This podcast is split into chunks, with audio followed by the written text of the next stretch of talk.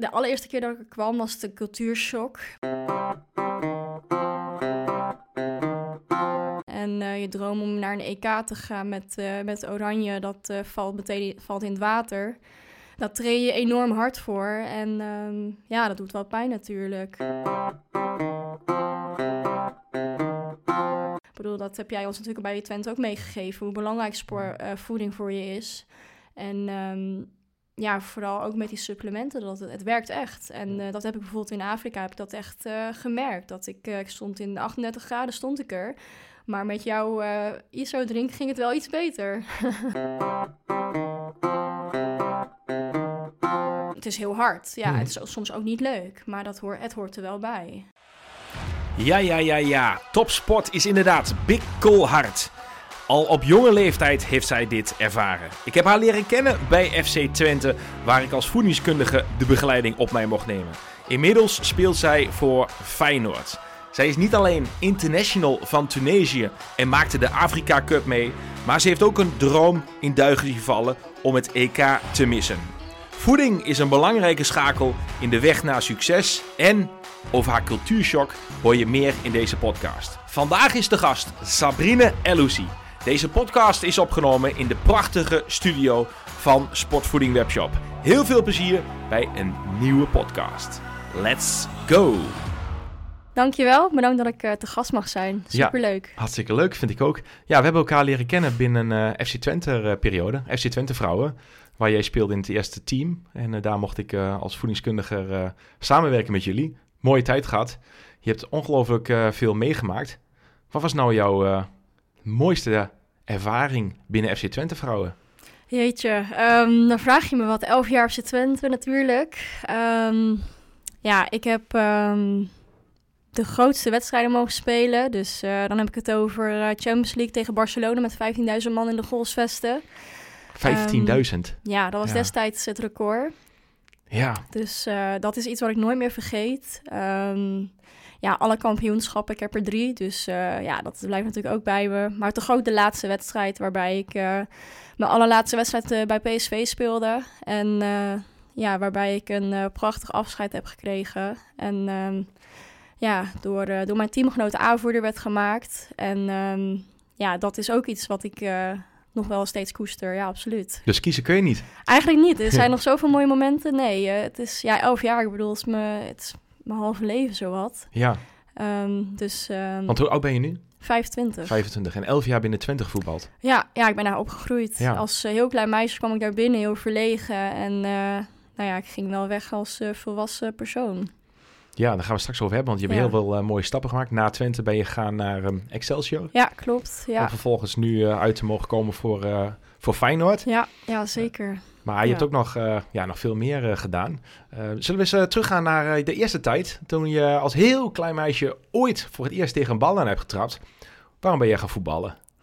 Nou, zo'n grappig verhaal. Ik heb eerst tennis gedaan en... Um, ja, ik voetbalde eigenlijk al wel op straat. Iedere dag na school, op school ook. Alleen, ja, ik durfde niet op voetbal, want dan was ik als enige meisje en dat durfde ik dan niet. Dus, um, nou ja, na heel veel overhalingen, of in ieder geval, ze hebben me ook proberen over uh, te halen. Um, twee klasgenootjes van de basisschool, die zeiden van, goh, ga gewoon een keertje mee. En dan kijk je gewoon of je het leuk vindt. En toen heb ik voetbalschoenen geleend, want die had ik zelf niet. En toen ben ik op woensdagmiddag bij HVV Hengelo, dus in, waar ik vandaan kom, heb ik dus op een woensdagmiddag heb ik meegetraind met de jongens van de destijds was de Ages, geloof ik. En um, ja, toen was ik verkocht, dus toen uh, ben ik eigenlijk nooit meer weggegaan van het Want hoe oud was je toen? Het zou zijn geweest, jaar of tien, elf denk ik. Ja, en hoe zoiets. wisten die twee uh, klassen dat jij zo graag wilde voetballen? Ja, we voetbalden altijd samen. Ah, altijd, ja. ja. Op de basisschool. Op schoolplein? Ja, op schoolplein, ja. En zij voetbalden al wel? Ja, zij zaten daar en hun uh, vaders waren ook, uh, ook leiders daar in dat team toen de tijd. En, en jij zei uh, van, ik wil ook gewoon... Ja, toen heb ik uiteindelijk de keuze gemaakt om... toen wilde ik ook op voetbal natuurlijk. Wat ja. mooi. Ja. En de tennis, wat, dat was daarvoor? Ja, klopt. Ja, ik heb toen tennis gedaan, wat ik ook overigens nog steeds heel leuk vind. Dus in mijn vrije tijd doe ik dat ook best wel graag. Maar um, ja, uiteindelijk was de liefde voor voetbal was wel, ja, was wel groter. Mooi. Nou, niet ja. uh, geen slechte keuze geweest. Nee, zeker Want uh, je hebt het uh, zowel tot het nationale team van Jong Oranje geschropt, als ook van het internationaal team van Tunesië. Gaan we straks uitgebreid verder over spreken. Um, even weer terug beginnen bij, jou, bij jouw jeugd. vader, moeder, broers, zussen? Ja, ja mijn, mijn, vader komt uit Tunesië dan, dus vandaar ook mijn Tunesische roots.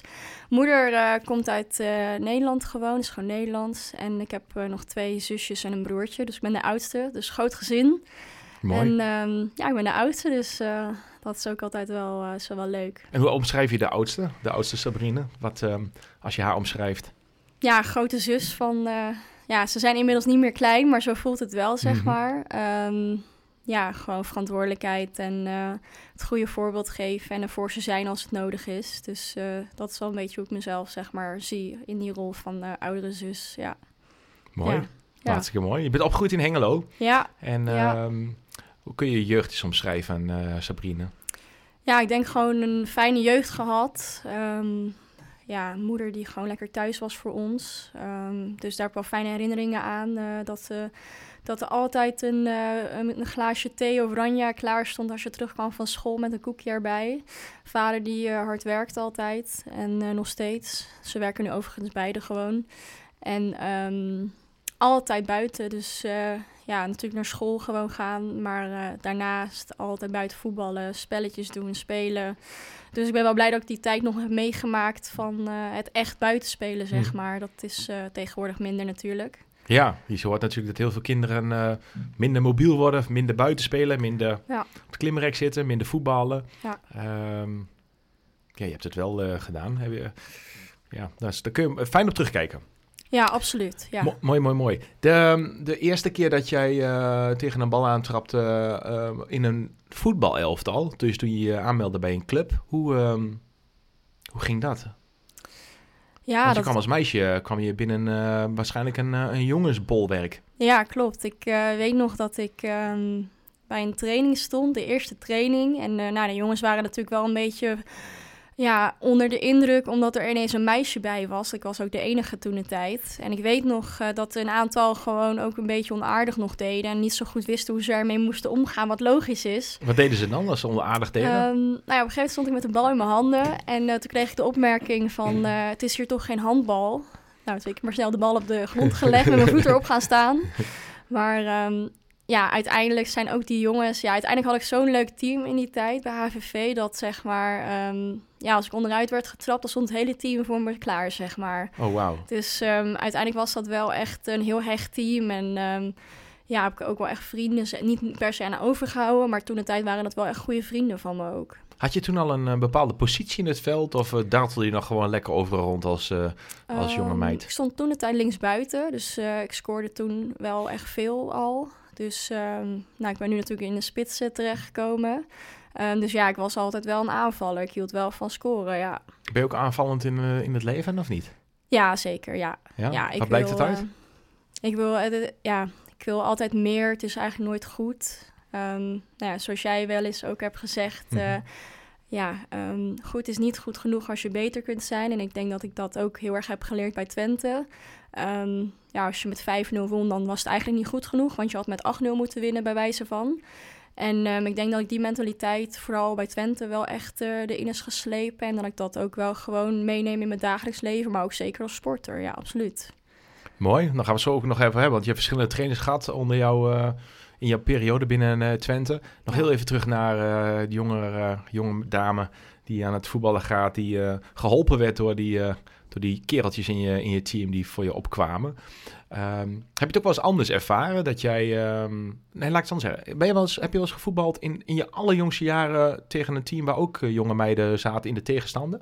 Of waar het, heb je vooral tegen jongens voetbald? Of voetbalde je ook wel eens tegen andere meiden? Nee, dat kwam nee. eigenlijk pas bij Twente toen ik in de jeugdopleiding kwam. Dus was onder 14. Um, en daarvoor heb ik eigenlijk altijd tegen jongens gespeeld. En wat, wat ik ben al heel benieuwd naar. Um, wat, je werd gesupport heel erg door die jonge, jonge kerels. Um, maar wat deed dat met jou als jij altijd het enige meisje was in het, uh, in het team? Ja, op een gegeven moment wende je daar ook wel een beetje aan. Ik weet mm -hmm. wel, je zat altijd in een aparte kleedkamer. Um, ja, als de jongens aan het omkleden waren, dan moest je natuurlijk wachten tot zij klaar waren. En natuurlijk werden er grapjes gemaakt dat mm -hmm. er dan eentje nog, nog geen shirt aan had. Weet je, dat doe je dan op je leeftijd. Maar um, ja, ik heb dat nooit als vervelend ervaren. Um, er was altijd een ouder met mij die dan voor de deur ging staan. Of nou ja, goed. Mooi, Dat ik me soort van toch wel veilig voelde. Ook al heb ik me nooit onveilig gevoeld hoor.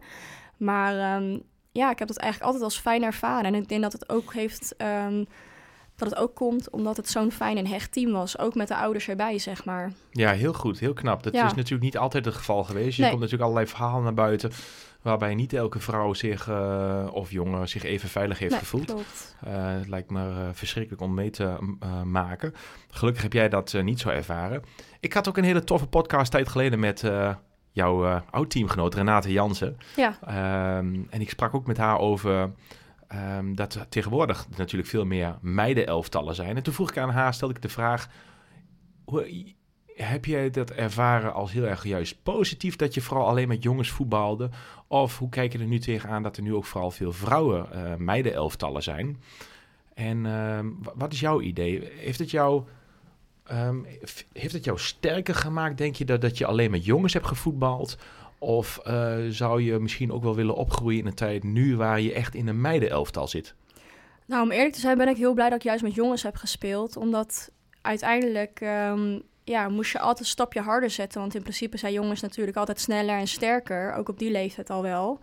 Ehm, de, en je wordt daar ook harder van. Ik bedoel, eh, jongens houden... Ja, oké, sommigen zouden misschien wel een beetje inhouden. Maar er zijn ook vaak teams geweest die niet inhielden. Ja, en dan werd je inderdaad onderuit getrapt. En dan moest je wel weer opgestaan. Dus ik denk dat ik daardoor ook wel heel hard ben geworden. Ehm, en, en ja, dat je dat in het meidenvoetbal, ehm, op, vooral op jongere leeftijd, zeg maar, dat het heel anders is. En als het eh, meiden, eh, meidenniveau nu omhoog gaat, de laatste jaren is het vrouwenvoetbal, heeft een enorme boost gekregen. Absoluut. Zeker na de WK-titel van, eh, van Oranje, van de Oranje Leeuwinnen. Zou het eh, vrouwenvoetbal in jouw optiek ehm, hoger, eh, sterker, beter kunnen worden als jonge meiden in hun jeugd vaker met jongens voetballen? Of toch wel meer aandacht voor vrouwenvoetbal en meidenteams? Nou ja, wat, wat mijn mening is daarover dat ik gewoon vind dat je eigenlijk zo lang mogelijk met de jongens moet meespelen, als dat kan natuurlijk. Mhm. Ehm, ja, en op een gegeven moment zal je wel naar de vrouwen moeten of naar de meiden moeten, want op een gegeven moment ga je het fysiek niet meer kunnen eh, aanpoten met de jongens. Mhm. Ehm, dus ja, ik, ik zou vooral aanraden, blijf lekker met de jongens spelen, want je kan er heel veel profijt van hebben uiteindelijk. Mooi. Ja, Mooi. En is dat met name het, het zeg maar, dat je dat fysieke gedeelte, zeg maar, dat je altijd een tandje extra moet zetten en dat, wat, wat het jou beter maakt? ja dat denk ik wel. Ja, en ook, ehm, ja, ze zijn toch heel anders natuurlijk. Ze zullen niet snel inhouden, denk ik. Mhm. Minder snel. Dus ja, dat harde en dat fanatieke en dat stapje extra, ehm, ja, dat, dat krijg je wel mee, denk ik, bij de jongens. Ja. Mooi. Hoe is die overstap gegaan? Op een gegeven moment eh, van een kleine, klein meisje bij, de, bij Twente terechtgekomen. En dan komt in één keer zo'n grote club om de, om de hoek kijken en die zegt van, nou, wij hebben wel eh, interesse in jou. Jij, jij valt op, je bent goed. Hoe, ehm, hoe komt dat bij een jonge Sabrine binnen? Ja, Of ik- bij papa en mama? Ja, ehm, voor mijzelf was het toen de tijd eh, ja, totaal ontwetend voor wat er komen zou gaan. Ik bedoel, je hebt helemaal niet door wat er eigenlijk aan de hand is. Ik, ben het, ik heb eh, toen de tijd meegedaan met de selectie eh, talentendag, zeg maar, van FC Twente. Ehm, toen ben ik ook de eerste keer afgevallen, zeg maar. Tot en met de laatste ronde ben ik afgevallen, omdat ik nog te jong was. Mhm. en, Want hoe oud was je toen? Ja, dat Weet zal nog? eh, 2009 zijn geweest, denk ik. Dus het is eh, 13 jaar geleden, snel gerekend. Ja, zoiets. Nu ja. 25. eh, ja, want in 2010 eh, kwam, ik bij de, kwam ik wel bij de jeugdopleiding, zeg maar. Wat dacht je, ik ga het nog een keer proberen. Ja, maar zonder, zonder het idee van Mhm. eh, ik wil profvoetbal. Of in ieder geval het bewuste idee. Ik, wil- ik wilde altijd profvoetbalster worden. Dat schreef ik in vriendenboekjes ook op. Wat leuk. Maar ehm, zonder het bewuste idee dat ik dat wilde. Want mijn moeder belde me nog, zou ik nooit vergeten. Was onderweg naar huis aan het fietsen van school. En eh, toen zei ze, ja, ehm, ja je bent niet eh, aangenomen bij Twente. Toen zei ik, oké. En toen heb ik opgehangen en toen ben ik zo weer naar huis gefietst... zonder enige teleurstelling of, eh, of iets, omdat ik het niet door had toen.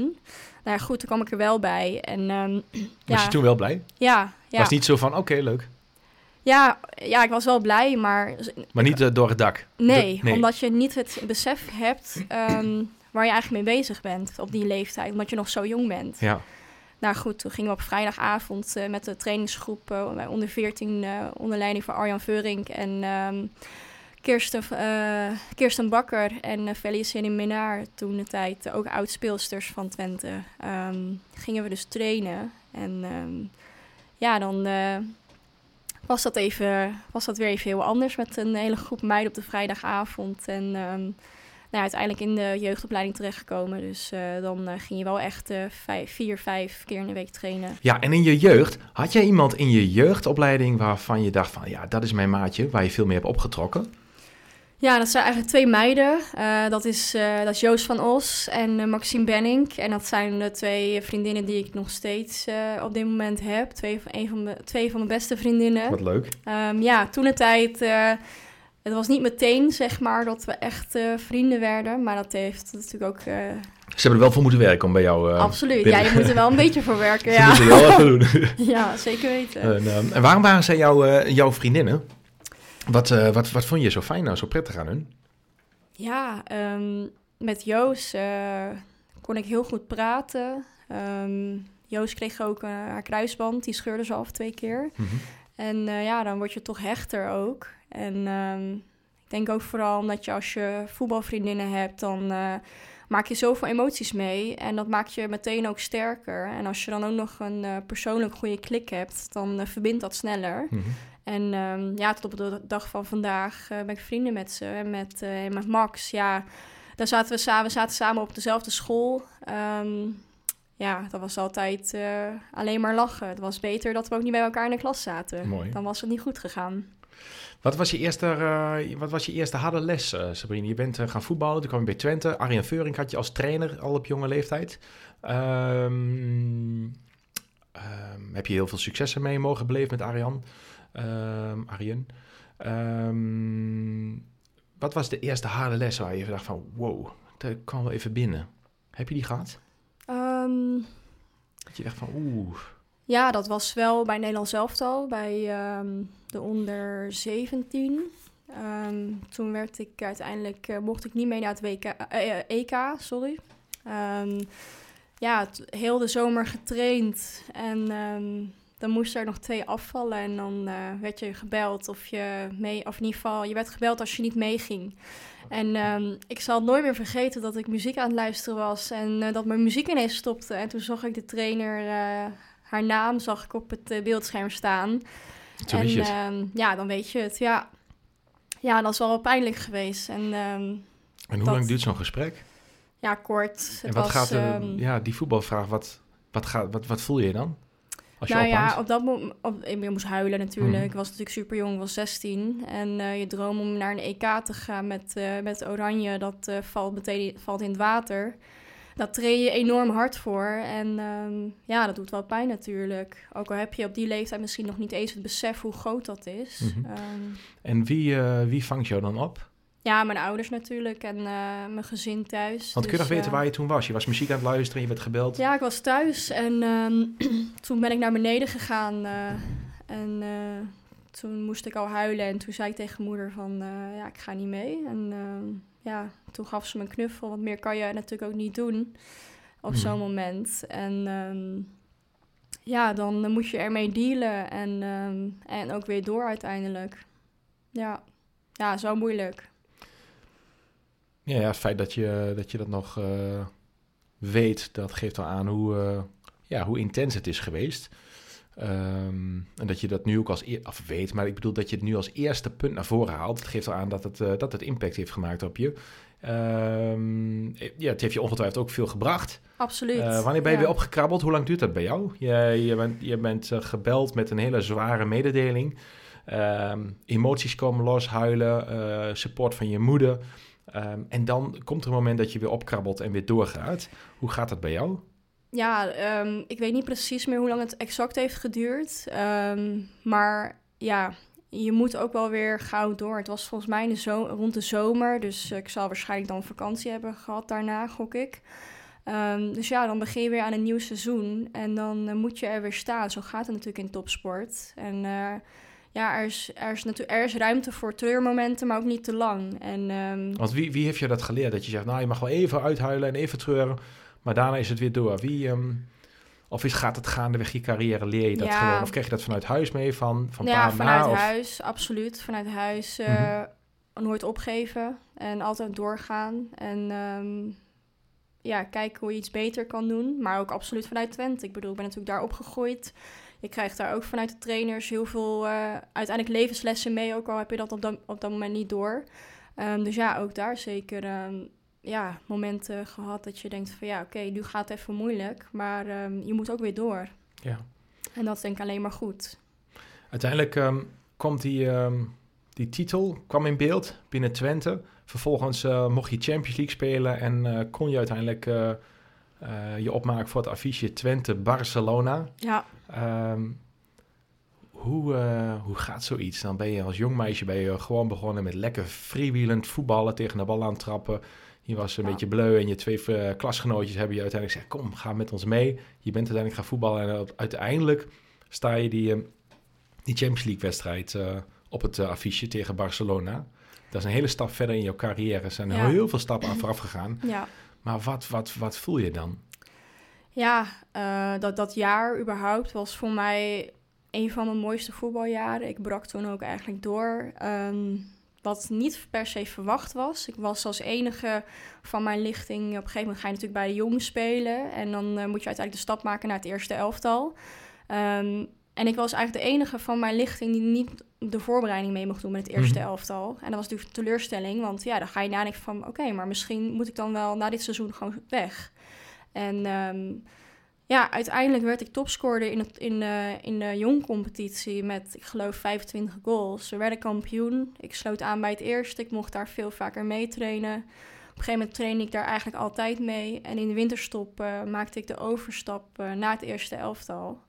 En um, ja, daar hoorde inderdaad ook die Champions League wedstrijden bij. Ja, het is bizar. Ik mocht ook mee naar de return. Um, ik werd geroepen, het was bij Juliana in Hengelo, in een heel oud kleedkamertje. Ik moest, uh, voor de training moest ik uh, bij de trainers komen. En dan stonden mijn trainer, Olivier Abeling toen de tijd, en uh, Arjan. En toen zeiden ze van, ja, je gaat mee naar Barcelona. En toen zei ik, echt? Mag ik echt mee? En toen ja. Ik zie het in je eh, gezicht, je voelt het weer. Ja, ja, dat was heel mooi. Ja, en toen, uh, toen mocht ik mee. Ja, dat was heel bijzonder. Ja. Wat, uh, toen dat zei, kom, vertel, wat, uh, was je blij? Ging je springen? Ging je Arjan uh, knuffelen? Nou of, ja, ging je dat zou je wel bellen, denken, ja. Of, nou ja, wat ging je doen? Ik, was, ik was vol ongeloof, ik had het niet aanzien komen. Dus ik zei, let, mijn, echt, mijn letterlijke woorden waren echt, mag ik echt mee? En um, nou ja, toen moest ik daarna nog trainen. Maar goed, uh, ja, ik had vleugels natuurlijk. Ja. En uh, ja, als je dat dan... Uh, ja, ik was toen 18 denk ik, net. Of 19 misschien. Ja, en dan mag je met alle grote meiden mag je mee. Ik bedoel, ik had een poster van dat team. toen het, Mhm. Van heel veel had ik een poster op mijn kamer hangen. En als je dan jaren later met diezelfde meiden op het veld mag staan... en dan zulke wedstrijden mee mag maken... ja, dat is alleen maar een droom. Ja, fantastisch. Ja, Echt ja. fantastisch. Het grappige is wat jij nu uh, vertelt, uh, Sabrina, een heel mooi verhaal. Dat, dat, zeg maar, dat moment van ongeloofwaardig, dat je denkt, nee, dat kan niet waar zijn. Het doet me zo erg denken aan de, de eerste podcast met de allereerste gast die ik mocht opnemen. Met uh, ook een Twente spelen, maar dan bij de mannen. Okay. Um, Arnold Brugging. En Okay. hij werd gebeld door um, iemand van het Nederlands elftal. En Ja. die werd gebeld, die had ook op zijn telefoon. En die zei, je wordt opgeroepen voor Oranje. En uh, toen legde hij de telefoon op en toen zei hij tegen zijn vriendin... Dit kan niet waar zijn, ik ga terugbellen. Ik geloof het niet. Ja, Dus Ja, uh, mooi, ik, ik, ik, ik ben opgeroepen voor Oranje. Zoals jij werd opgeroepen om mee te gaan met jouw grote voorbeelden naar Barcelona. ja. En uh, ja, dus dat moment... Ik zie het ook aan je gezicht, zeg maar. Ja, Als je dat gaat omschrijven. Luisteraars kunnen jouw gezicht niet zien, maar ik hopelijk wel horen ja. hoe, mooi, uh, ja, hoe mooi dat is. Is het dan... Um, is het dan...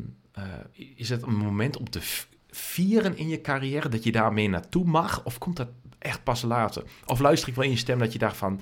Ja, maar dit is echt wel even iets om bij stil te staan. Ja. Heb je een moment, heb je dat kunnen vieren? Um, gevierd niet echt, maar wel enorm bij, bij stilgestaan. Want het is wel gewoon... Ja, oké, okay, maar misschien dat... bedoel ik dat wel. Je, ja, hebt, het wel, ja, je hebt het wel, ja, je hebt het wel ervaren heb, op dat moment al van als heel bijzonder al. Absoluut, Mooi. ja. Het waren, zeg maar, de, de beide wedstrijden, ook al verloren we, uh, waren natuurlijk fantastisch. En um, ja, dat... Je kan Mhm. er alleen maar van dromen. Ik heb volgens mij zelfs toen niet eens gespeeld bij de wedstrijd. Het jaar erop uh, speelden we dus nog een keer tegen Barcelona. Toen mocht ik wel spelen. Dat was met die 15.000 man wat ik in het begin uh, vertelde.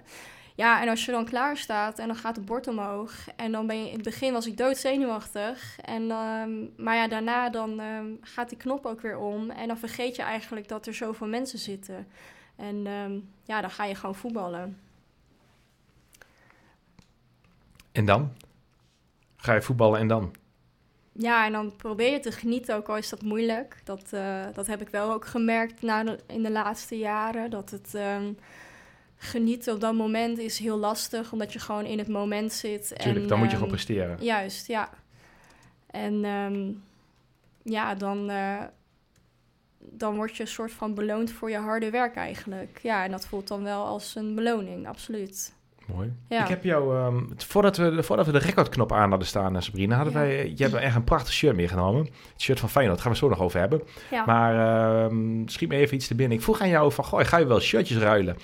Want ehm, ik keek onder andere naar de WK-finale bij de mannen eh, pas geleden. En eh, zoals vele Nederlanders. En daar dacht ik van, goh, wie zou dat eh, mooie shirt van Messi krijgen? Mhm. En jij zult ongetwijfeld ook shirtjes hebben geruild. Dus ik vroeg, hoe gaat dat bij jullie? En toen vertelde je daar een verhaal over. Heb je een shirtje geruild met iemand van Barcelona? Nee, toen de tijd niet. Dat durfde ik toen niet. dus dat heb ik niet gedaan. Maar had je Ehm, een shirtje met iemand willen ruilen van Barcelona, als je er nu op terugkijkt? Ja. En wie was jouw eh, voorbeeld wellicht misschien? Of met wie had je het shirtje willen ruilen? ja, met de spits, met Hermoso. Die scoorde toen ook een bizarre goal tegen ons. Ja, en dat is alleen maar... eh, ja, dat is alleen maar een heel mooi aandenken op zo'n moment. Dus eh, als, ik, als ik iemand had moeten kiezen op dat moment, dan, dan had ik haar gekozen, ja. Om daar het shirtje mee te ruilen. Ja, ja, Mooi. ja. Nou, dit was een mooi, eh, een mooi verhaal eh, eh, van, ehm, eh, van jou, een van jouw hoogtepunten binnen Twente. Want jij kon eigenlijk al niet kiezen. Nee. Maar over shirtje ruilen gewisseld. ehm, hebben we in het voorgesprek ook een, een ander mooi hoogtepunt gehad van je carrière. Maak ik misschien een hele snelle stap. Ik kom misschien straks nog even terug binnen Twente. Ehm, jij bent ook international van Tunesië geworden. Ja, En je hebt de Afrika Cup gespeeld. Klopt. Voor jou een van je hoogtepunten in je carrière. En binnen die Afrika Cup heb je ehm, een shirtje geruild Ja, met eh, een andere speelster. klopt. Vertel. Ja, ja ik heb haar uh, speelster van Zambia. We speelden in de poolfase tegen hun. En ik heb haar uh, eigenlijk leren kennen omdat ze, ze ook in ons hotel zaten. Um, ja, dan kom je toch een beetje in contact. Um, wij waren heel erg uh, onder de indruk van hoe zij altijd zo leuk aan het zingen waren en aan het dansen waren voor, voorafgaand aan de wedstrijd. Waar deden ze dat? Ja, in, de, in, het stadion. Op, in het stadion. Ja, hoe ze, ze komen dansend en zingend binnen. uh, de speelsters? Ja, ja, het hele team met z'n oh, wow. allen. En dat is, uh, ja, is gewoon een prachtig beeld om te zien. En um, ja, ze zongen één liedje en wij zongen die eigenlijk met hun mee op een gegeven moment. Gewoon, we wisten, hadden geen idee wat we zongen. en het was wel mooi, want ze zongen uiteindelijk, het is een mooie dag. En dat vond ik wel heel mooi. En toen kwam ik met haar naar praat. En uh, toen hebben we uiteindelijk samen afgesproken om, uh, om een shirtje te wisselen nadat we, nou ja, klaar waren met het toernooi. Mooi. Ja. ja. En uh, wat is haar naam? Margaret. Margaret Belemu. Mooi. En je ja. hebt haar shirt gewisseld. Of ja. je hebt een shirtje met haar gewisseld. Waar hangt hij nu? Of waar ligt hij nu? Of waar is hij nu? Uh, hij ligt in uh, Rotterdam bij hm. mij, ja, in, in mijn huis daar. Ja. Mooi. Ja. Um, als we het toch over hebben, die Afrika Cup. Ja. ja. dat is toch ook wel een van jouw uh, hoogtepunten toch in je carrière. Je speelt ja. als uh, jong meisje uh, eerst op school en dan bij een club en dan binnen Twente. En dan ga je vervolgens voor, het, ja, voor je eigen tweede thuisland. Of eerst, ik weet niet hoe je het noemt. Hoe, hoe, hoe zeg je het zelf? Maar je hebt twee nationaliteiten. De ja. Tunesische nationaliteit en de Nederlandse nationaliteit. Anyway, je speelt ook voor je Tunesische nationaliteit voor het land. Volgens mij moet het heel bijzonder zijn als je dat witte-rode shirt aantrekt. Absoluut, um, ja. Denk ik toch of niet? Als dat ja, over nee, je schouders is, gaat. Uh, het is eigenlijk heel... Ik, ik, voel me altijd heel trots als ik het shirt weer aantrek. En als ik dan het volkslied weer mag zingen, dan, uh, ja, dan voel ik altijd wel... Het is altijd wel heel speciaal. Mm -hmm. En om... Uh, ja, mijn droom om een eindtoernooi te spelen, dat, dat, die had ik altijd gehouden. Ik bedoel, wat ik vertelde net over de EK. Ja. Um, ja, dat ging niet door. En ja, hoe mooi is het dan als ik net op een andere manier, via een andere weg, wel een eindtoernooi kan spelen. En dat was voor mij wel ultiem. En um, ja, daar, daar, dat was echt fantastisch. Ik zou het, als ik, het, als ik nu kon, zou ik het weer doen. Want je hebt het eindtoernooi gespeeld uh, als Tunesië International op de Afrika Cup. Ja. Poolfase um, overwonnen. En toen naar de volgende ronde. Uiteindelijk zijn jullie gestrand in de kwartfinale. Ja. Tegen de latere kampioen Zuid-Afrika. Ja. Um, hoe ging die wedstrijd tegen Zuid-Afrika? Ja, we hebben eigenlijk onze beste wedstrijd gespeeld tegen Zuid-Afrika, hoe gek het ook klinkt. Titelkandidaat, dat wisten we van tevoren, dus we wisten dat het een ontzettend moeilijke wedstrijd ging, uh, ging worden. Ja, en we kwamen vrij vroeg op 1-0 achterstand. Maar we bleven in leven. En ehm, ja, dan valt hij net niet. En uh, dat is ontzettend zuur. En het was tevens ook de wedstrijd om een WK-plek uh, veilig te stellen. Dus, ja, in juni, juli 2023. Klopt, ja. ja. Dus ja, dan is dat extra pijnlijk als, je dan, ja, als je er dan uitvliegt. Ja. Maar de enige schaal troost, je hebt er geen bal aan natuurlijk, maar nee. is dat het tegen de latere kampioen is. Ja, klopt. Dat is de enige, maar je hebt er helemaal niks aan natuurlijk. Nee, dus je het is geen nee. je koopt er helemaal niks voor. Nee, je koopt er niks voor inderdaad. Nee. Um, ja, en uiteindelijk, al, ja, ik, ik vind het nog steeds moeilijk als ik erover nadenk. Dan Mhm. denk je toch van, nou ja, shit, uh, dat... Uh, Dat is we waren zo dichtbij, zeg maar. Ja. Maar achteraf, uh, ja, weet je, we zijn na 14 jaar afwezigheid van de Afrika Cup als Tunesië zijnde. Mhm. Dan uh, ja, kwartfinale bereiken met, dit, met dat voetbal. In ieder geval tegen, vooral tegen Zuid-Afrika. Dan uh, mag je echt wel trots zijn. En ook vooral omdat uh, er waren geloof ik twee meiden uit het team... die eerder een Afrika Cup, die er toen bij waren, zeg maar. Toen die tijd, 14 jaar geleden. Ja, en de rest was allemaal nieuw. En we zijn in 2020 zijn we begonnen. Heeft de trainer ja, een team bij elkaar gesprokkeld. En is gaan slijpen. En um, ja, uiteindelijk stond er een redelijk team. En... Um, ja, dan mag je denk ik ook wel weer trots zijn. Welke drie, uh, drie eigenschappen moet een jonge speelster tegenwoordig hebben om zo ver te komen? Ja, doorzettingsvermogen staat denk ik wel op één. Mm -hmm. um, ja, dat is één. Ja. Twee, waar, waar, waarom ben jij zo goed geworden? Misschien moet je het bij jezelf houden. Doorzettingsvermogen. En wat nog meer? Uh, ja, je droom achterna gaan. Mhm. Um, ja, niet, op, ja, niet opgeven valt een beetje onder door, door doorzettingsvermogen natuurlijk. Um, Als ik jou vraag waarom jij zo goed bent in je doorzettingsvermogen, je hebt je droom nooit opgegeven, ook niet na de afwijzing en het pijnlijke moment van de EK-afwijzing voor nationaal. Heb je toch doorgegaan, heb je uiteindelijk wel een eindtoernooi gespeeld. Welke eigenschap heb jij nog meer, Sabrina, waardoor jij zo goed bent? Ja, dat vind ik lastig om te zeggen als het over mezelf gaat. Um, misschien hebben anderen wel eens iets, iets gezegd over jou, wat, wat jou zo goed maakt. Of misschien heeft je vader of je moeder wel iets gezegd tegen jou, wie ja, jij bent. En een wat beetje dan... on onverstoorbaar zijn. Mhm. Onverstoorbaar zijn, focus blijven houden. Vooral geloven in jezelf. En hoe doe je dat? Als je, doe je dat alleen of doe je dat met mensen om je heen? Of heb je daar een, een geloof in? Of heb je een, een, een, een, um, een persoon om je heen die, die je daarin blijft herinneren om dat focus vast te houden? Of zeg je van, nou, dat, dat kan ik best wel heel, redelijk goed zelf? Nee, of? ik heb daar wel uh, de mensen voor me heen verzameld. Ik heb Mhm. uh, veel contact met Robin Joostens, uh, mental coach. Toen de tijd ook van, of niet van, nog steeds van Twente, maar ook uh, mijn persoonlijke mental coach.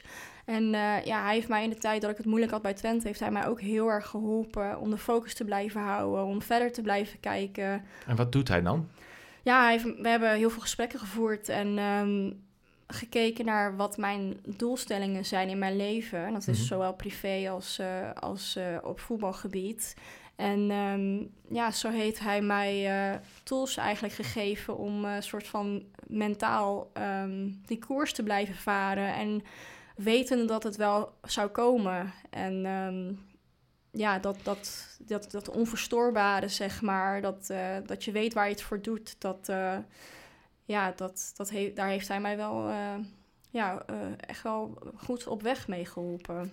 Op welke momenten um, heb je getwijfeld? Je bent ooit afgewezen, hè, wat je net al zei, er was een grote teleurstelling voor je bent toch doorgegaan. Maar ik kan me voorstellen dat er misschien ook wel momenten zijn geweest dat je gaat twijfelen of dat je denkt, voor. Zijn er momenten geweest dat je hebt getwijfeld? Ja, absoluut. Bij Twente vooral. Mhm. Mm -hmm. Mijn laatste twee, drie jaar natuurlijk moeilijke jaren gehad, weinig gespeeld. En um... Waar zat die twijfel in? Omdat de anderen zoveel beter waren? Of omdat je... Nou, uh, ik, ik, probeer altijd naar mezelf te kijken. Um, ik zeg niet dat het zo is, hè, maar zou je ja, kunnen denken. nee, klopt, absoluut. Um, nee, ik probeer, wat ik zeg, ik probeer altijd naar mezelf te kijken. En ja, op een gegeven moment ga je meer aan jezelf twijfelen. Van, uh, oké, okay, ja, nou, je wordt afgewezen. Of in ieder geval, je, je speelt niet. Uh, dat is ook een soort afwijzing natuurlijk. Ja, oké, okay, misschien dan ben ik misschien inderdaad niet goed genoeg voor dat niveau. En ja, als zodra dat erin sluipt, dan, dat moet je voorkomen. Want uiteindelijk zit je daar niet voor niks. En um, is het uiteindelijk de beste keuze geweest om naar Excelsior te gaan. Om te laten zien dat ik het wel kon. En um, om aan mezelf te laten zien van je kan het wel. En dat heeft zich denk ik wel heel mooi uitbetaald. Ja, zeker. Want daarna heb je nog weer een vervolgstap weer omhoog gemaakt richting Ja. Feyenoord waar je nu zit. Ehm, is het gevaarlijk dat je er eh, als jonge, jonge speelster, als jonge meid wordt afgewezen in de topsportwereld? Of zeg je nou, dat hoort er gewoon bij en eh, de meeste speelsters van dat niveau kunnen dat wel aan? Of zie je ook wel de gevaren ervan in? Nee, ja, eigenlijk is het Van natuurlijk... eh, ja, ik was zo jong eigenlijk nog. Mhm. En eh, wat ik zeg, je, soms besef je helemaal niet... ja, het is eigenlijk een topsporttrein waar je continu instapt. Het ene moment heb je gehad en je stapt alweer het, het volgende moment in. Dus het gaat allemaal zo snel. Soms krijg je helemaal niet eh, de tijd om het echt even te laten bezinken... en te beseffen wat er allemaal is gebeurd en te verwerken. Ehm, ja, als je topsport doet, dan kies je er ook voor, ben ik van mening. Ik bedoel, het hoort erbij. Je weet, eh, het hoort er gewoon bij. Ehm, het is heel hard. Ja, Mhm. het is soms ook niet leuk, maar dat hoort, het hoort er wel bij. En ehm, ja, je kiest er toch iedere keer weer voor om door te gaan. Waarom kies je ervoor om steeds dan toch weer door te gaan? Ja, omdat ik het spelletje mooi vind. Ja, precies. Toch Ja, die, die passie voor, ja. de, voor het spel en Ja, de droom. Tuurlijk om- heb ik wel eens gedacht, eh, mijn laatste jaren bij Twente, van ja, vind ik, vind ik het voetbal nou nog wel leuk? Want wil ik nou nog wel? En ehm, toen heb ik mezelf één vraag gesteld van, vind ik mijn situatie niet leuk of vind ik het spelletje niet meer leuk? En toen was duidelijk wel meteen al van, eh, de situatie waarin ik verkeer is niet leuk, maar het spelletje, dat vind ik nog steeds heel leuk. En Precies, en dat is de reden dat je dus toen de stap hebt gemaakt. Ik wil meer speelminuten maken, Ja. want eh, voor de duidelijkheid, je speelde niet eh, voldoende. Je Nee. zei al van, nou, eh 10 minuten, 20 minuten was niet voldoende. Dus ga ik mijn speelminuten elders maken. Stap Ja. naar Excelsior gemaakt. Ja. Ehm, daar een mooie tijd gehad, maar toch wel redelijk snel weer eh, doorgegaan naar Feyenoord. klopt. Ja, Ehm, en nu zit je daar. ja. Wat is, eh, wat is ehm, wat, wat, wat, wat leer je daar bij Feyenoord? Ja, Feyenoord is een, een enorm grote club. Ik bedoel, ik dacht dat Twente een grote club was. Maar als je bij Feyenoord binnenstapt, dan zie je pas echt wat een, echt een grote club is. En ja, de faciliteiten die wij bij Feyenoord hebben, dat is gewoon fantastisch. Ik kan, eh, ja, ik kan, ik heb nu het gevoel dat ik er wel echt alles uit kan halen, zeg maar. Met de faciliteiten die we, die we krijgen ehm, ja, en die we hebben. Ehm, we zijn binnen, sinds eh, kort zijn we ook begonnen met een eh, soort voedingstest. Dus we zijn nu bezig met onze voeding. eh, ehm, of in ieder geval, ze, zijn, ze hebben ons getest. en we krijgen binnenkort uitslagen van ja, wat ik persoon, echt op persoons, persoonsgebonden, wat goed voor mij eigenlijk is. Dus ik ben daar bijvoorbeeld heel benieuwd naar. We hebben nog geen uitslagen van gekregen. Maar eh, kijk, dat zijn natuurlijk wel echt dingen. Dat is Mhm. zo specifiek en dat gaat zo in op details. Dat, Mag je nog eh, een koekje met je moeder eh, bij de thee drinken? Of? Jawel, zo Ja? erg is het niet. Ik hou heel erg van eten, dus eh, nee, Mhm. ehm, zo erg is het niet. Maar ehm, ja, ik ben bijvoorbeeld, ik ben daar, dat vind ik ook heel interessant en heel belangrijk natuurlijk. Mhm. Ik bedoel, dat heb jij ons natuurlijk bij Twente ook meegegeven, hoe belangrijk spoor, eh, voeding voor je is. En ehm, ja, vooral ook met die supplementen, dat het, het werkt echt. En Ja. eh, dat heb ik bijvoorbeeld in Afrika, heb ik dat echt eh, gemerkt. Dat ik, eh, ik stond in 38 graden, stond ik er. Maar met jouw ISO-drink ging het wel iets beter. Ja, fijn. Nou, mooi. Ja. Een beetje voeding wordt nog steeds door veel mensen onderschat. Gelukkig krijgt het steeds meer Ja. aandacht. Maar omdat voetbal natuurlijk een teamsport is, wordt er veel meer gekeken naar andere elementen dan bijvoorbeeld bij individuele sporten, waar, waar je echt, echt letterlijk dus ook op jezelf bent aangewezen. En Klopt. dan is voeding een, komt al heel snel meer in beeld dan bij een sport als, eh, als voetbal. Ja. Vanwege de, nou ja, A, de cultuur, maar ook omdat het een, een teamsport is. Ja. Ehm, dus toch, ja, is voe- voeding vaak een iets minder belangrijke rol krijgt in het geheel. Ehm, je hebt al ehm, eh, iets verteld over die verdere professionalisering binnen Feyenoord. Dus, of tenminste in die zin dat je zei van het is een hele grote club. Mhm. Wat, ja, wat eet jij zeg maar als je opstaat eh, s ochtends eh, voorafgaand aan de training? Even voor, voor je, er zijn kleine meisjes die luisteren nu naar deze podcast en die willen ook in het grote Feyenoord, Twente of waar dan ook voetballen, bij welke club dan ook. En die denken, Sabrine, wat is jouw tip? Wat neem je als ontbijt? Heb je een paar tips wat Ja. je eet als ontbijt? Dat is vraag 1. En daarna gaan we naar de wedstrijd toe, wat je daarna eet of vlak ervoor. Maar eerst, er luisteren kleine meisjes naar deze podcast. Die willen ook in het grote Twente, Feyenoord of waar dan ook voetballen. Wat is jouw tip om te nemen als ontbijt? Ja, ik ontbijt echt al jarenlang met een eh, zelfgemaakte smoothie. Dus daar doe ik eh diepvriesfruit, banaan en ehm, yoghurt, wat water en vaak een beetje havermout bij. Ehm, kan je natuurlijk ook eiwitpoeder bij doen, eh, mocht, je dan, mocht je dat nodig hebben.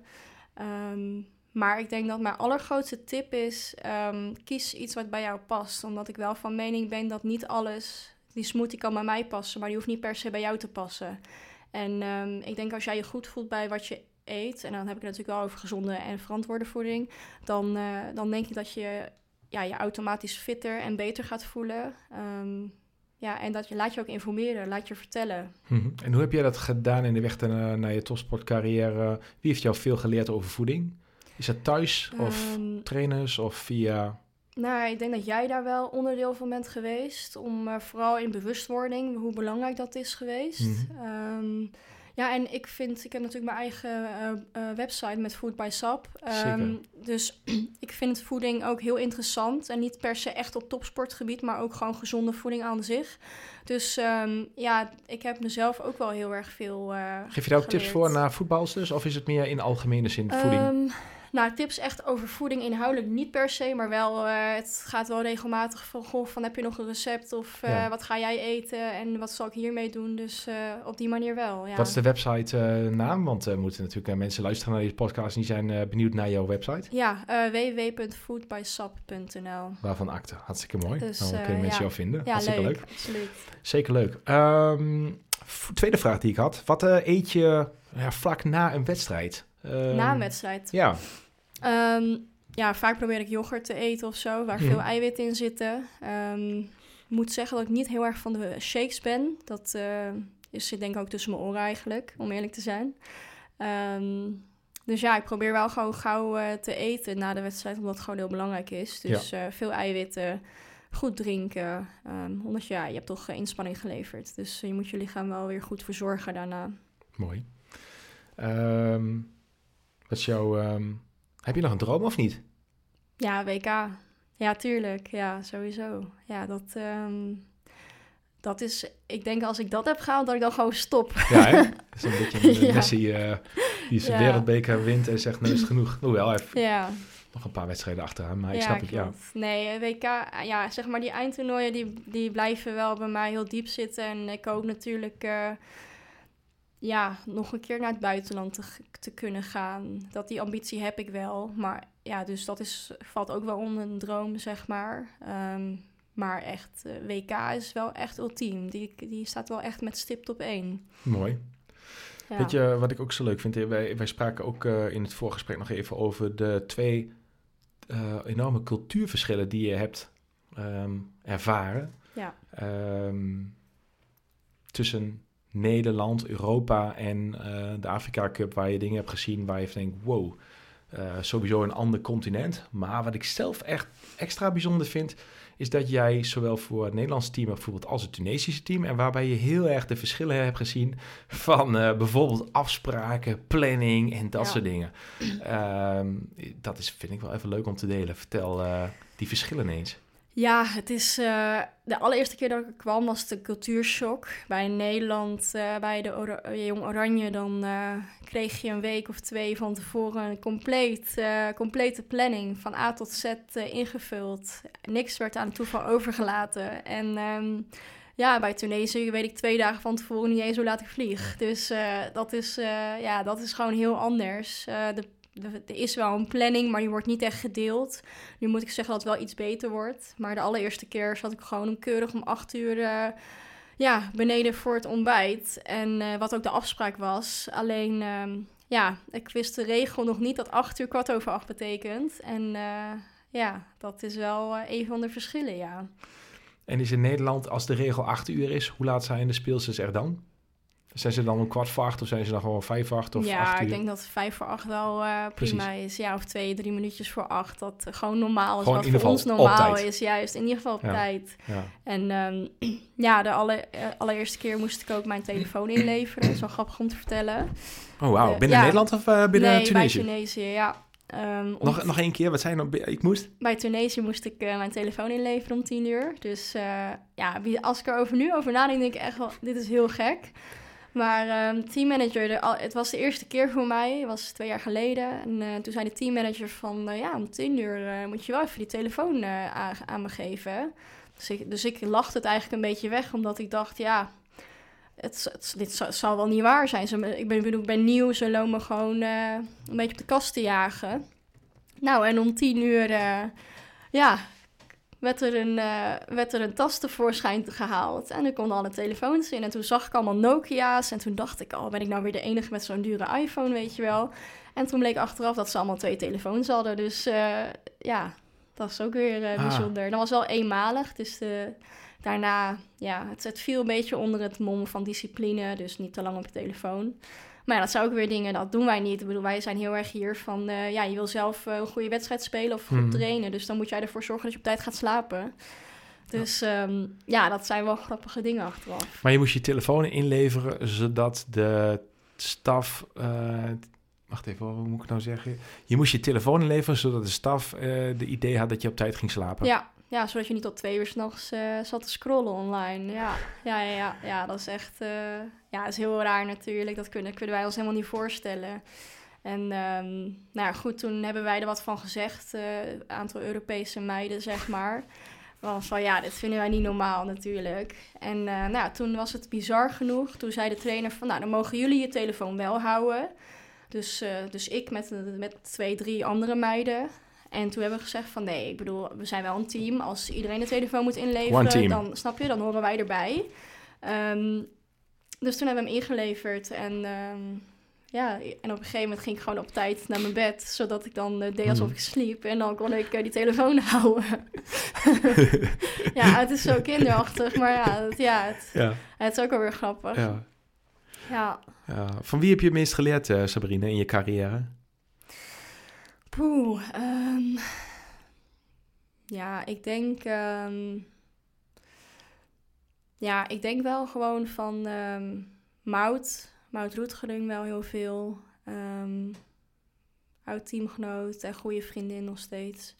Renate Jansen ook heel veel. Maar ook Marten Munsterman, heel veel van geleerd.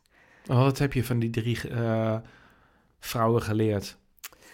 Nou, zij waren eigenlijk altijd wel mijn voorbeeld. En dan, -hmm. nou ja, vooral Marten en Mout komen natuurlijk hier uit de buurt, uit de regio. Uh, Renate komt natuurlijk later.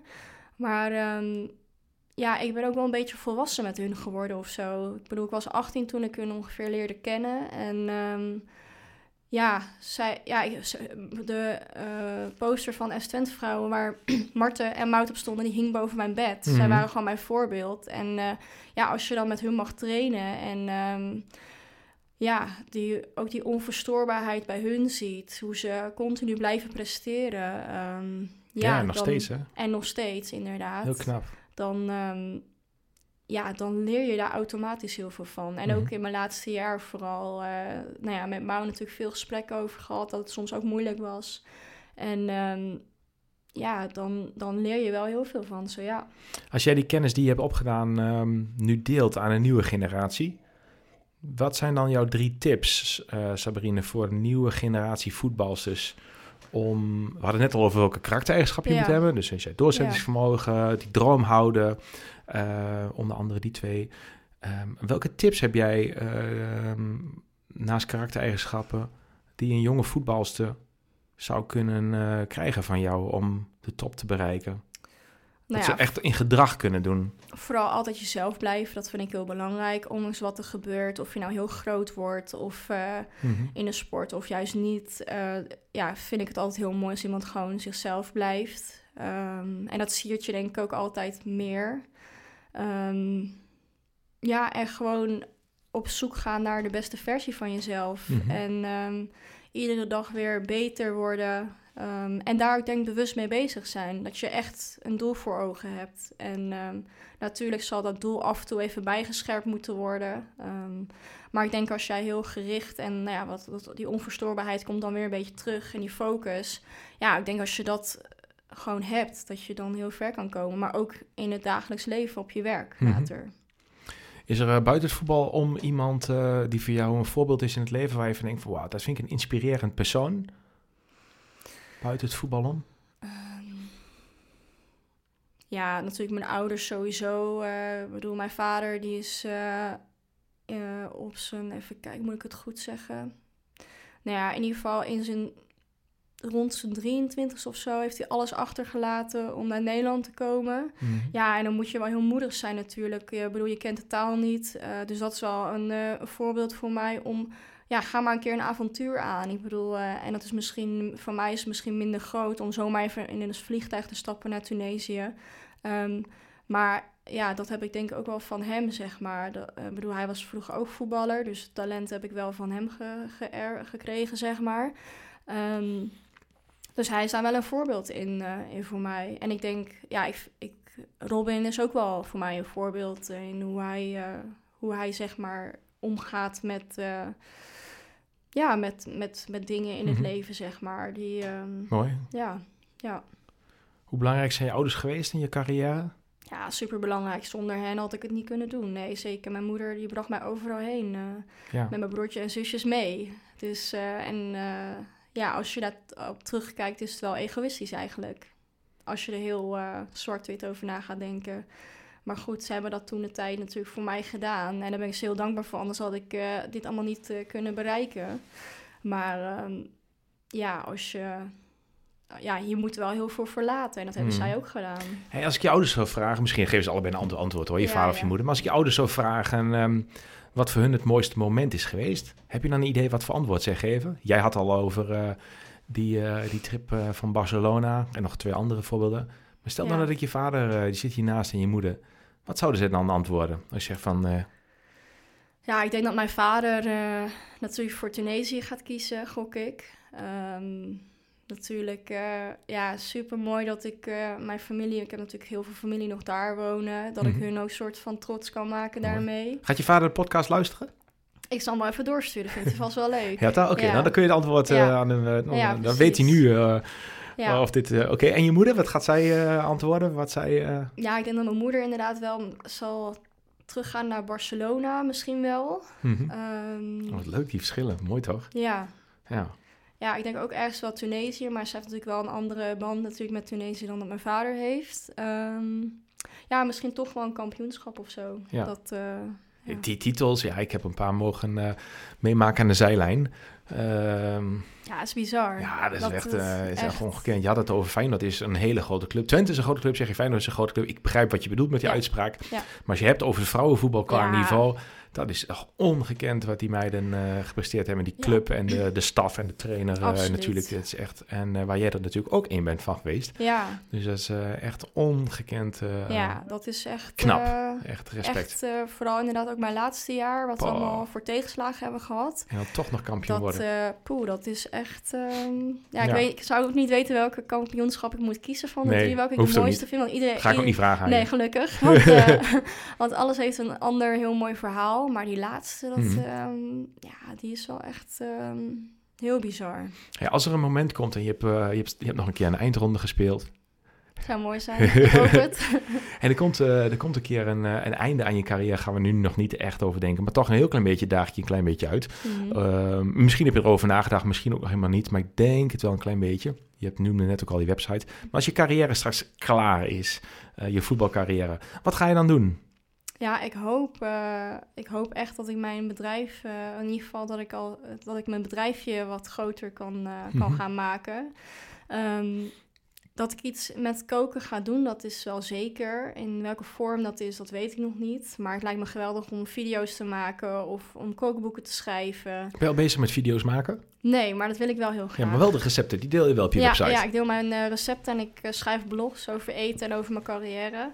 En ehm, ja, ik probeer nu gewoon mijn naamsbekendheid op te bouwen en te vergroten. Om uiteindelijk straks na mijn carrière hoop ik wel ehm, ja, echt fulltime daarmee bezig te kunnen. Lijkt me wel echt heel gaaf. Mooi. En wat Ja. leren mensen dan als ze bij jou een, eh, een, een video zien of een blog of een recept eh, bekijken? Ehm, nou, ik, denk- ik denk dat het vooral eh, ook heel leuk moet zijn. Dus ik hoop dat het lijkt me super gaaf om bijvoorbeeld, nou ja, een podcast ook te gaan maken over voeding. Mhm. Ehm, eh, ook om inderdaad die video's te maken met topsporters, ex-topsporters. ehm, en dan met een aantal leuke vragen. Dus ik heb ja, bijvoorbeeld het favoriete recept van heb ik ook al Oh ja. eh, gemaakt. Dus eigenlijk doe ik dan een beetje, ehm, ja, wat je ook in een video kan doen, schrijf ik dan in een blog, omdat ik daar wel tijd voor heb, zeg maar. Dus eh, ik hoop bijvoorbeeld dat uiteindelijk op video te kunnen krijgen met, eh, met leuke... Ik bedoel, ik heb een super groot netwerk inmiddels opgebouwd. Mhm. En echt super leuke mensen leren kennen. Dus ik denk dat ik daar wel... eh, Kom wel goed. dat komt wel goed. Ja. Is fijn dat je eindstation, Sabrina, of niet als speelster van de club? Nee, ik uh, ook nog wel een stap te maken. Ja, ik, uh, en heb je een droomclub? Of droomclub, wat, wat, wat, Ehm. wat, ja, dat is de vraag eigenlijk. Heb je een droomclub waar je naartoe zou willen na Feyenoord? niet per se een eh, specifieke club. Nee, maar je wil nog wel een stap Ehm, maken. Ja, En daar heb je vast ideeën over. Ja, ja, zeker. Ja, wat ik Of, zei, eh, het buitenland... eh, ja, nee, ik kan het wel delen hoor. Ja. Ehm, het buitenland ambieer ik. En dan heb ik het over de vooral Spaanse competitie. Lijkt me gaaf. Lekker weer. Ja, dat ook. dat scheelt ook. Niet alleen dat. Ik hou van de zon, dus eh, dat is dat top. geloof ik. Ehm, ja, en ook eh Italiaanse competitie die nog wat beter aan het worden is. Mhm. Hoeft niet meteen volgend jaar. Ik bedoel, ik heb het nu heel erg naar mijn zin bij Feyenoord. En ik ben, moet ook zeggen dat ik er nog niet heel erg mee bezig ben Nee. eh, over volgend seizoen. Dat snap ik. Ehm, dus ja, voor mij is het gewoon belangrijk dat ik gelukkig ben en dat ik speel. En Mhm. ehm, dat buitenland, dat komt, Dat komt. komt wel.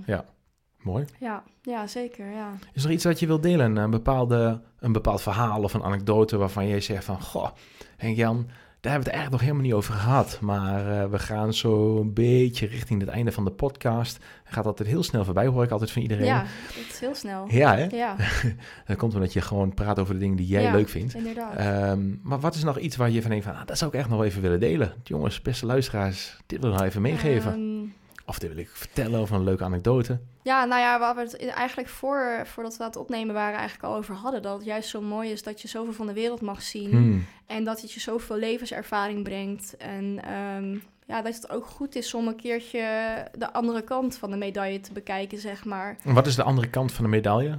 Ja, armoede. Het contrast tussen arm en rijk, enorm groot. Eh, Ja, je vertelde een moeder met het bosje. ja, ja. En, Kun je daar iets eh, over vertellen? Want daar hebben we het in de podcast niet over gehad, maar wel in het voorgesprek. Is dat een voorbeeld van de armoede die je zag? Ja, in Jordanië eh, lag er een mevrouw op de grond eh, met een baby in haar handen. En ehm, ze had een bosje basilicum in haar handen, wat helemaal ja, uitgedroogd was door de zon die, die er vol op scheen. Met, wat zal het zijn geweest, 35 graden. Ja, om maar aan geld te komen. Dus ehm, ja, als je dat dan ziet, dan eh, breekt dat wel een beetje je hartje. Ja, dat is wel eh, heel schrijnend om te zien. En dat is wat voetbal jou onder andere heeft gebracht. Ja. Dat je mocht reizen en dat je dat eh, ook gezien hebt. Ja, absoluut. Dus ik ben daar heel dankbaar voor dat ik ook inderdaad eh, werelddelen mag zien en landen mag bezoeken Mhm. die, eh, die niet per se op je vakantiebestemmingen eh op één staan, zeg maar. Ehm, dus ja, dat heeft mij ook heel veel, dat heeft zeg maar Tunesië ook meegebracht. ehm, Mhm. Naast het voetballen aan zich, zeg maar. Zou je na je carrière ook eh, gaan reizen naar landen waar je normaliter misschien niet naartoe zou gaan? Of zeg je van nou, ik heb dat in het voetbal carrière leven wel gezien en ik ga dan vooral reizen maken die ik zelf leuk vind? Of ga je dan ook echt wel plekken opzoeken waar je denkt, nou dat zijn wat de ontraditionele plekken, omdat ik dat nu gezien heb, dat raakt mij, dat blijf ik doen? Ja, misschien wel. Ehm nou ja, wat jij bijvoorbeeld net zei over vrijwilligerswerk in Gambia. Ja, dat lijkt me heel, heel fantastisch om te doen. Mhm. Ook al is het misschien kort. Ehm, maar ik denk dat het juist ook zo mooi is om naar landen te gaan die misschien iets, min, iets meer, minder voor de hand liggend zijn, zeg maar. Dus ehm, ik denk dat daar een beetje een, een mix van zal zijn, zeg maar. Ik vind Ja. het wel leuk. eh, ja, het moet wel een beetje... Kijk, ik heb natuurlijk best wel nu bijzondere landen gehad. Dus het moet wel een beetje bijzonder blijven, zeg maar. Mhm. voor- vind ik. Vind ik wel Ja. belangrijk, ja. Wat is, ehm, wat is ehm, ehm, naast alle mooie dingen en alle dingen die je hebt meegemaakt, fijne jeugd, eh, prachtige, fijne oudersrol. Wat is iets waar jij je in het huidige leven aan ontzettend kan aan irriteren, Sabine? Dat je denkt van, oeh, daar irriteer ik mij aan. Want voor mij zit een rustige, bescheiden, hardwerkende, talentvolle en eh, ja, eh, vrouw. Eh opgegroeid van klein meisje tot een eh, volwassen vrouw. Maar die irriteert zich ook ongetwijfeld wel eens. Waar irriteer jij je aan? Ja, op het veld kan ik wel... eh, kan mag in het veld zijn, mag in het leven zijn. Ehm, ja, waar ik me aan irriteer buiten het veld is dat mensen zo hard praten soms. Mhm. En dat is niet omdat hier vanmiddag, vanochtend iemand zat die zo hard praatte. Maar dan denk ik, ja, je kan toch gewoon, praat gewoon rustig. Waar- waarom er- irriteert je dat? Ja, omdat ik denk, ja, ik praat zelf niet zo hard. En je, je zit gewoon in mijn oor te tetteren eigenlijk. En hoe, dus dat, eh, ja, ja. sorry. ja, en mensen die snel lopen. Ik heb eigenlijk wel heel veel dingen die, waar ik me aan irriteer. Terwijl jij zo snel bent. Ja, maar ik, ik, wel, ik loop dus echt als een slak. En dat zullen mijn vriendinnen beamen. Ik loop echt als... Nee, op het veld niet. Maar echt in het dagelijks leven Hoe dan... kan dat? eh, Hoe kan dat? ja, weet ik niet. Ik vind het gewoon lekker om rustig te lopen. En dan... eh, Daarom ben je het veld zo snel. Dan heb je je energie bespaard. ja, ik bespaar mijn energie. Ja. ja, nee, dus ik... Ja, mensen die veel te, veel te snel lopen. Mhm. En ik heb kleine benen, dus ik hou het ook niet... Ja, nee, dan moet ik gewoon bijna joggen, zeg maar. Ehm, ja, en op het veld, ja, ik, ik ben gewoon heel anders op het veld. Ik ben Mhm. veel eh, fanatieker en ehm, ja, ik, ik kan wel, ja, ik ben gewoon heel Ja. anders. En dat, dat moet je eigenlijk gewoon zien, zeg maar. Ja, dat heb ik een paar keer, eh, of een paar keer, vaak mogen zien. Ja, Wat is eh, waar je heel blij van wordt? Niet je irritatie, maar waar wordt Sabrine heel erg blij van? Dan denk je, oh, wow.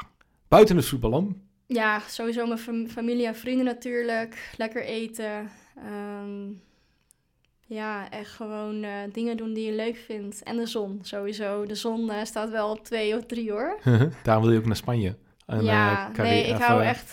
ja, nu helemaal sinds ik natuurlijk... ja, bijna om de anderhalve maand, twee maanden wegga natuurlijk. Dan, ehm, ja, dan vind ik het wel lekker als ik lekker bruin ben natuurlijk. Mhm. Ja, ja. Ehm, bijna een van de laatste vragen. Ehm, als je, het is soms lastig voor mensen om over hunzelf te praten. Zeggen ze, ja, dat vind ik wat lastig van mezelf zeggen. Maar toch ga ik je even uitdagen. Als mensen twee dingen van jou kunnen leren... wat zijn dan de echte twee dingen waarvan je denkt van... dat kan ik van jou leren? Jeetje. ehm, ja, dan zou ik zeggen... ehm, ja, doorzettingsvermogen slash onverstoorbaarheid. Nou, ik heb Mhm. het woord denk ik wel 80 keer gezegd vandaag. Ja. Ehm, ja, en misschien wel ja, weten, weten wat je wilt. Weten waar je naartoe gaat. Bepaalde koers hebben, denk ik. Mooi, Ja. mooi. Ik heb nog eh, twee afsluitende vragen. Het zijn eigenlijk eh, hele... Ja, ik vind het zelf wel een mooie vragen. Nou, eerst is er gewoon een simpele. Wil je nog iets ergens op terugkomen? Of eh, wil je nog iets corrigeren? Ehm, of dat je denkt van, poh, dat wil ik echt nog toevoegen. In Nee, de podcast waar we het over hebben gehad. In een klein uurtje alweer. ja, het is echt super snel gegaan. Ja, hè? Wat, had je echt even, wat had je ervan verwacht? En is het datgene wat je ervan Ja, verwacht dit had? ik wel verwacht. Ja, Ja? ik had verwacht inderdaad dat het snel voorbij zou gaan, omdat, je, omdat we, we kennen elkaar natuurlijk. Maar Ja. we hebben elkaar super lang Mhm. niet gesproken, dus eigenlijk Klopt. is het gewoon bijkletsen voor ons. Klopt. Ehm, dus ja, het is eigenlijk wel... eh, ja, ik vind het eigenlijk nog wel leuker dan ik misschien had verwacht, zeg maar. In positieve zin dan. Nou, Ja, mooi. Ja, Nou, fijn te horen. ja zeker. Ehm, je wil niks eh, ergens op Ja, terugkomen nee. of eh, toevoegen? Nou, nee, mooi. ik denk het eigenlijk niet. Dan heb ik eigenlijk nog, ehm, heb ik nog één vraag aan jou. En dat is als volgt. Misschien heb je me deze vraag gehoord, want het is eigenlijk altijd mijn afsluitende vraag in de podcast. Ik heb ook aan andere gasten gevraagd, dus ik vraag hem ook aan jou. Je mag op, eh, nou pak een beetje 200 meest bekende plekken in de wereld. Daar st- staat een billboard. En op dat billboard mag jij een tekst opplaatsen, of een quote, of een zin, of een woord. In ieder geval een boodschap aan de wereld. En eh, langs die 200 plekken komen elke dag miljoenen mensen langs. Met andere woorden, de wereld ziet de boodschap van Sabrine. Wauw. Welk quote of tekst zet jij op dat billboard dat elke dag door miljoenen mensen wordt gelezen? Ehm, jeetje. Ja, ik heb er wel één, maar moet ik wel even mijn telefoon pakken? Ja, ga je dat, gang. eh, Ga je gang. Als dat goed is. Zeker. Oh, kijk, ik heb hem. Ehm, nou, de quote die ik dan eh, ja, erop zou zetten, dan is, dat is... Someday we will find what we are looking for, or maybe not. Maybe we will find something much greater than that. Mooi. Waar komt die Dus, vandaan? Wil je hem ehm, toelichten? Ja, ik eh, vind de tekst heel mooi. ehm, omdat we soms, nou ja, goed, de vertaling natuurlijk, soms zijn we naar iets op zoek. ehm, maar soms vinden we eigenlijk iets veel beters. En ja, dat vind ik wel een hele inspirerende quote. Dat je soms ook eens verder moet kijken dan wat je nu hebt. En dat het soms, dat je, dat het soms ook wel naar iets leidt wat, wat je uiteindelijk eh, iets groters gaat brengen. Ehm, dus ja, ik vind die wel heel inspirerend. En ik hou ook wel van spiritualiteit, zeg Mooi. maar. Dus ehm, ik vind die wel diep, zeg maar. Die, ehm, ja, vind ik wel heel mooi. Die Heb je mooi. Heb je hem al eerder gedeeld? Ja, op Instagram. Ik deel op Instagram wel eh, regelmatig eh, ook eh, dit soort quotes, zeg maar. Die ik dan zelf heel mooi vind. En ehm, hij is ook toevallig mijn achtergrond van mijn MacBook. Dus ja, hij is wel, zeg maar, in mijn leven, zeg maar. Oh, hij is nu forever vastgelegd, want Ja. hij staat nu ook op Ja, Spotify Apple, Google Vet. en op onze podcast eh, te vinden via onze website. Sabrine, was me waar genoeg en dankjewel. Ja, jij heel erg bedankt. Ik vond het echt eh, heel erg leuk om, eh, om te gast te zijn bij je. Wederzijds, dankjewel voor je, voor je verhaal. Eh, een beetje een inkijk in, eh, ja, in, van klein meisje tot eh, volwassen vrouw die een hele mooie stap heeft gemaakt. En ehm, ja, met een dubbele nationaliteit ook twee kanten van een medaille heeft gezien. Twee hele mooie kanten waarbij je veel hebt mogen leren. En nog lang niet uitgedroomd. Nu nog voetballend bij Feyenoord, maar wie weet ga je ook nog die mooie stap maken naar de zonnige orden. Eh, en speel je nog een eindronde. Ik wens je heel veel plezier in je verdere carrière en natuurlijk in je leven. We gaan elkaar vast nog vaker zien Absoluut. en spreken. Zeker weten. Bedankt. Luisteraars ook bedankt voor het luisteren. En ehm, hopelijk ben je de volgende keer weer bij. Geef eh, Sabrine mooi even 5 sterren op deze podcast. Like, share en deel hem met je vrienden, familie, kennissen. Dat eh, wordt zeer gewaardeerd. Niet alleen door mij, maar ook door Sabrine.